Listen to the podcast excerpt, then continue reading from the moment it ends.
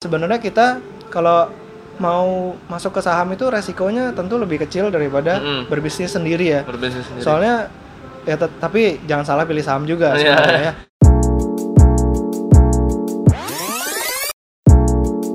Dikari Bincang Dikari Halo, eh, selamat datang di podcast Dikari. Perkenalkan, nama saya Joshua dan di sini saya sudah mengundang salah satu narasumber yang keren banget. Ini eh, seorang value investor di Bali. Dia sudah bergelut di pasar saham nyaris 12 tahun. Kita masih mas bisa bilang eh, Ko Bayu ini adalah seorang master. Dan nggak usah lama-lama lagi kita introduce Ko Bayu. Ya, halo semuanya, nama saya Bayu Cahyadi. Uh, saya adalah seorang value investor uh, dan sudah 12 tahun di pasar modal. Jadi memang pendekatan saya memang cukup berbeda dengan kebanyakan orang, yaitu menggunakan metode technical analysis atau melihat grafik untuk melakukan keputusan jual atau beli di pasar modal. Saya lebih ke metode yang namanya value investing. Ya, eh, itu menarik juga ya. Maksudnya kan eh, kita punya topik di sini adalah eh, investasi yang cocok untuk millennials gitu ya. Jadi eh, sebenarnya investasi itu banyak ya kok ya. Kita bisa bilang bisnis itu investasi gitu kan. Kita juga bisa bilang properti itu investasi. Tapi kenapa millennials harus masuk ke saham gitu? Eh, jadi kalau kita lihat dari definisinya, saham itu kan adalah suatu bagian kepemilikan dari suatu perusahaan ya. Hmm. Jadi kalau misalnya kita mau punya saham sebesar BCA, itu kan modalnya butuh besar sekali sebenarnya. Nah, kita dengan adanya pasar modal itu kita dikasih kesempatan untuk menjadi bagian dari perusahaan BCA tersebut dengan modal yang sangat terjangkau gitu. Sangat terjangkau. Ya, jadi kalau misalnya kita mau beli saham di pasar modal itu kan satu lot. Hmm. Satu lot itu 100 lembar. Jadi hanya dengan tig- sekitar 3 juta rupiah aja itu kita udah bisa menjadi pemilik perusahaan BCA gitu. loh. Perusahaan Walaupun persentasenya kecil sekali ya. Kecil sekali. Iya. Tapi juga masih masih banyak juga kan yang mungkin bisa kita lakuin dalam 500 ribu gitu ya juga ya. Ya, betul. Masih banyak banget juga Ya, kan. banyak sekali. Jadi range harga saham itu dari 50 itu udah ada. Jadi dengan modal 5.000 rupiah aja juga udah bisa sebenarnya Hmm. masuk ke saham. Tapi ada juga nih kok yang nanyain biasanya kan, kalau kita beli saham, berarti kita langsung beli dari BCA-nya atau gimana gitu? Oh, kalau mau transaksi saham itu kita harus melalui yang namanya sekuritas ya. Sekuritas ini kayak perantaranya antara satu orang pembeli dan penjual gitu. Jadi kalau misalnya kita mau beli saham, ya kita nggak bisa langsung datang ke perusahaan BCA-nya gitu. Hmm. Jadi kita harus datang ke sekuritas untuk bisa melakukan transaksi gitu. Hmm, berarti kita nggak beli langsung ke BCA ya, berarti sama sesama manusia gini kan ya? Iya, sesama Ah, sesama manusia, Ya. gini kan ya. Nah, tapi ini kayaknya kita udah ngomongin nih masalah advance banget ya kan karena kita kan ke anak muda ya. Ya. Jadi ya kita bisa bilang eh, saham ini adalah sebuah kepemilikan yang kita eh, jual, perjualbelikan satu sama lain gitu kan. Kita beli pas murah, kita jual pas mahal gitu ya kok ya. Bisa dibilang gitu. Ya, betul. Ya, bisa dibilang gitu Ya, ya. bisa dibilang Heeh. Terus eh, banyak nih anak-anak muda tuh kan datang kan. Aku nggak mau masuk saham Jos. Soalnya saham itu bisa bikin kita eh, bangkrut. Saham itu bisa bikin kita justru ada yang bilang kaya raya cepet gitu. Hmm. Sebenarnya klaim-klaim yang luar biasa ini menurut Kobayu itu pandangannya gimana sih? Ah, jadi buat ah, para milenial kan sekarang mungkin dihadepin ya. Habis lulus kuliah itu kita mesti bisnis atau mesti kerja sama orang atau mungkin bagi mereka yang sekarang lagi kerja sama orang pengen merintis bisnis tapi takut gitu loh. Takut waduh nanti kalau bisnisnya gagal gimana gitu ya. Hmm. Terus ah, apalagi banyak kasus yang buka restoran tiba-tiba nggak ada pelanggan sama sekali gitu kan. Hmm, Jadi iya. uangnya hilang kan. Iya benar. Nah, jadi di pasar modal ini sebenarnya kita dikasih kesempatan untuk ikut serta memiliki perusahaan yang memang sudah berjalan ya. Hmm. Yang sudah berjalan dan di manage oleh manajemen yang profesional. Hmm. Ya kayak misalnya kita lihat BCA. Hmm. Dari 20 tahun yang lalu sampai sekarang jelas bertambah besar Bertambah ya, besar. bertambah besar. Hmm. Perusahaannya yang dari cuman berapa triliun sekarang udah ratusan triliun Hmm. nilainya. Jadi sebenarnya kita kalau mau masuk ke saham itu resikonya tentu lebih kecil daripada Hmm. berbisnis sendiri ya. Berbisnis sendiri. Soalnya ya tapi jangan salah pilih saham juga Iya. sebenarnya ya. Kalau sahamnya memang benar ya, perusahaannya bagus, manajemennya oke, Heeh. ya itu harusnya resikonya lebih kecil daripada Mm-mm. kita merintis bisnis yang kita juga nggak tahu Mm. uh, kira-kira bisa sukses atau enggak gitu. Hmm, itu menarik banget. Tapi tadi ada yang koko bilang eh, masalah eh, setelah kita lulus kita bisa eh, masuk ke suatu bisnis. Tapi banyak orang bilang kalau bisa investasi semudah mungkin. Oh betul betul. Gitu kan. Jadi itu kenapa gitu? eh kalau nggak salah sekarang hanya dengan KTP aja kita udah bisa mulai masuk investasi Iya. saham ya. Udah nggak perlu NPWP sih Eh, nggak perlu NPWP. Nah, jadi sebenarnya SMA umur 17 kan udah punya KTP. Mm-mm. Nah, itu udah mulai bisa masuk ke pasar modal atau ke saham. Kenapa harus mulai dari sekarang? Jadi yang namanya perusahaan itu nggak langsung jadi besar gitu. Hmm. Ya butuh waktu buat perusahaan itu jadi besar. Mm-mm. Kayak dulu misalnya saham Berkshire Hathaway ya. Hmm, ya, wah Ah, tuh ya. terkenal tuh. Ya. Itu eh, perusahaan punya Warren Buffett. Warren Buffett. Ya, itu harga sahamnya itu dari cuman mungkin berapa puluh Hmm. dolar. Hmm. Sekarang itu udah jadi ratusan ribu dolar ya. Itu butuh waktu 50 tahun gitu. Nah, jadi orang yang ngelihat harga saham Berkshire sekarang Hmm, hmm. mungkin langsung wonder kenapa dia nggak invest 50 tahun yang lalu gitu kan. Hmm. Nah, jadi kalau kita terus mikir kayak gitu ya kita nggak invest invest gitu ya. Jadi mulailah sekarang Hmm. Mulai gitu ya. sekarang ya. Daripada 10 tahun lagi mikir lagi kenapa nggak 10 tahun lalu gitu ya investasi ya. Jadi makin makin cepat dia mulai, sebenarnya makin banyak keuntungan yang bisa dia Semakin bisa dapetin sebenarnya gitu ya. betul. So- Hmm. Tapi sebenarnya menarik ya, maksudnya orang kan selalu bilang pengennya masuknya ke reksadana gitu ya. Hmm. Atau enggak yang kemarin terkenal tuh binomo gitu ya. Banyak orang tidak mengetahui gitu, tapi pas masuk ke YouTube dia bilang dia susah gitu ya. Hmm. Tapi eh, dalam arti-arti kayak gitu loh, kenapa eh, mereka tuh harus masuknya pasar saham? Kenapa kok dia nggak boleh masuk ke mungkin balik lagi mungkin properti juga atau forex gitu atau mungkin binomo tadi gitu. Kenapa kok? Eh, kalau saham ini kan sebenarnya lebih liquid ya, Liquid. lebih liquid dan modalnya sebenarnya lebih kecil lah boleh Hmm, dibilang. hmm. Kalau properti kan mau beli satu properti kan butuh modalnya cukup besar. Iya. Nah, sedangkan saham satu lot aja udah bisa Hmm. masuk gitu ke pasar modal. Pasar modal. Ya. Kalau binomo ya saya nggak komentar lah. udah, ya udah nggak usah binomo forex deh gitu misalnya forex. Ya, kalau forex kan juga boleh dilihat ya cerita-ceritanya yang happy ending mungkin sedikit kali ya, atau mungkin hampir nggak ada kali. Ya ya no offense sih sama No. seorang trader forex Iya. cuman ya menurut pengalaman saya juga forex tuh bisa margin call gitu ya gue ya. Ya, itu Dan uangnya margin. Hmm. bisa bener-bener hilang gitu. Jadi kita bukannya nggak menyarankan forex tapi ya itu pengalaman juga sih. Koko juga udah Hmm. lama kan gitu.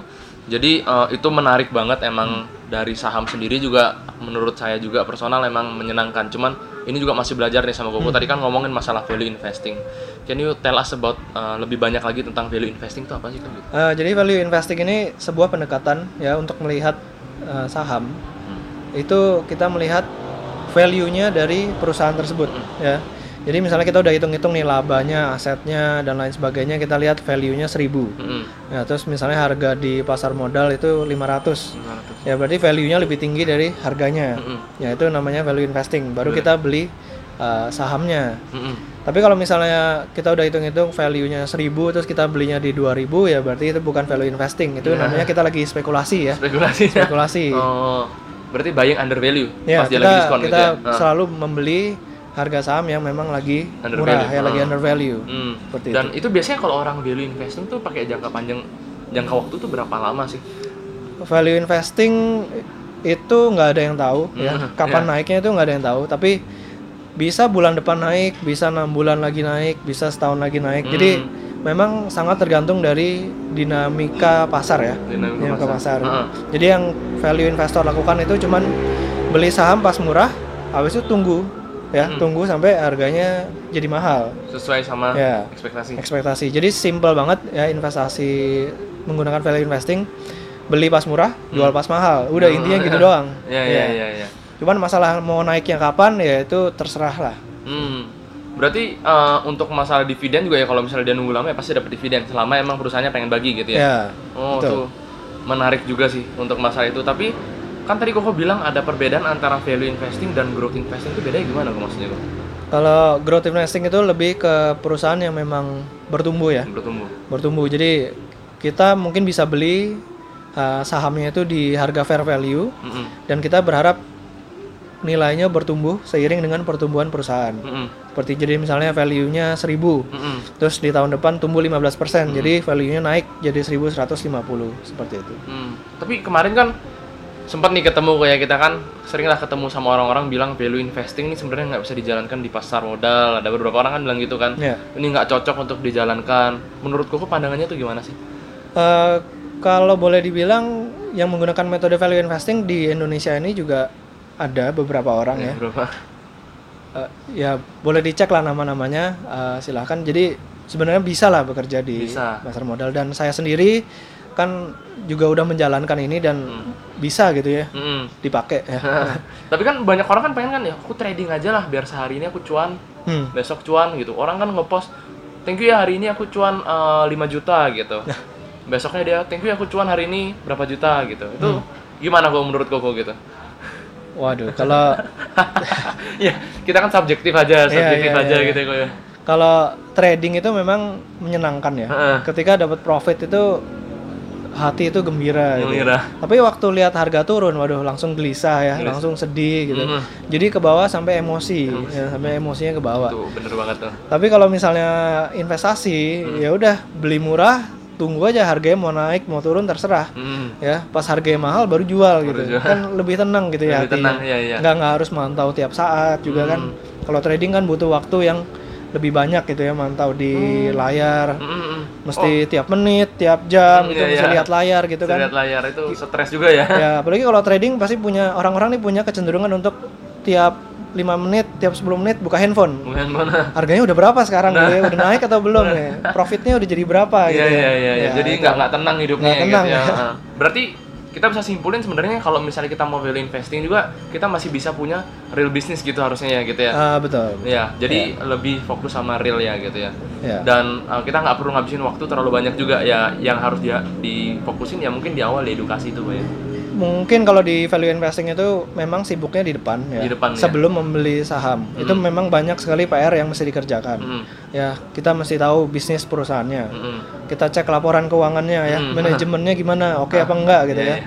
nah kalau misalnya udah lewatin itu mungkin sekitar beberapa hari atau mungkin seminggu gitu ya ngecek perusahaan habis beli ya udah kerjaan kita cuma tiga bulan sekali Tiga bulan sekali. tiga bulan Oh, sekali ya menarik. Iya, pas iya. laporan keuangan keluar baru kita cek Hmm. gitu ya daripada trading kan Mm, setiap hari terus sepanjang tahun Iya, iya, liatin iya. terus kan capek ya Iya capek juga ya. Jadi kalau misalnya anak milenial pengen ngambil eh, apa namanya cara susah-susah aja terus bilang nggak bisa nggak bisa ya itu terserah mereka gitu ya. Padahal sebenarnya cuman butuh waktu sedikit aja.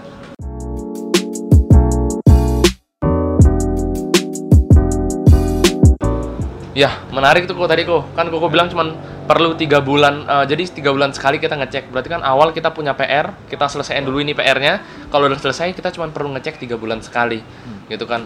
Nah sekarang nih ya udah deh biar ada pemanasan dikit anak-anak muda zaman sekarang biar mereka tahu eh, gimana sih pertimbangannya saham yang bagus tuh kayak apa. Dan mungkin kasih bocoran dikit saham apa sih yang mungkin lagi dilirik gitu. Oh boleh.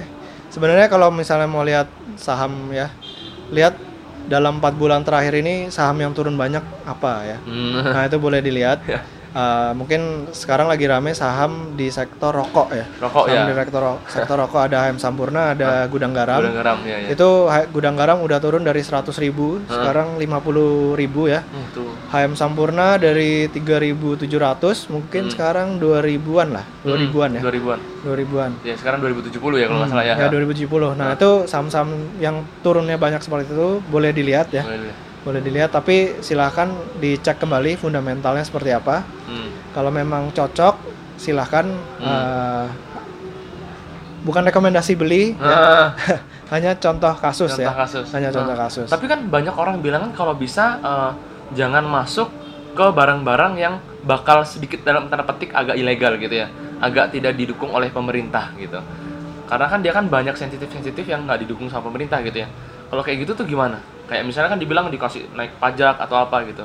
Oh, kan sebenarnya industri rokok ini kan bukan cuma tahun ini aja kan Heeh. dikasih cukai kan. Heeh. Tapi udah dari dulu ya udah dikasih cukai terus, cukainya naik terus juga lagi terus ya juga. kan. Tapi buktinya perusahaan rokok ini terus bertumbuh. Terus bertumbuh. Terus bertumbuh ya. Hmm. Mungkin yang gudang garam yang tiga tahun lalu Hmm. earning per share-nya itu cuma 3000 Hmm. Tahun ini mungkin bisa tembus 5000 ya. Oh. Jadi pertumbuhannya lumayan, lumayan Hmm, tinggi. lumayan- lumayan tinggi banget. tinggi ya. Apalagi kalau misalnya teman-teman beli HM Sampurna Hmm. di harga 2000-an itu bisa dapat dividen sekitar 117 Terus 17. 117 atau kurang lebih 5% 5%, ya. ha. Ya mirip-mirip deposito lah ya. Mirip-mirip deposito. dividennya doang itu baru. Dividennya ya. Belum lagi growth-nya ya. Ya, apalagi, apalagi ya namanya perusahaan itu punya potensi buat bertumbuh. bertumbuh. Ya kalau misalnya bertumbuh ya otomatis dividennya juga bertumbuh. Iya. Ya kayak begitu sih. Iya kayak begitu ya. Iya. Jadi ya adalah pertimbangan-pertimbangan yang ngeliatin dari pemerintahnya, ngeliatin dari sudut cara dia menjualnya juga gitu kok ya.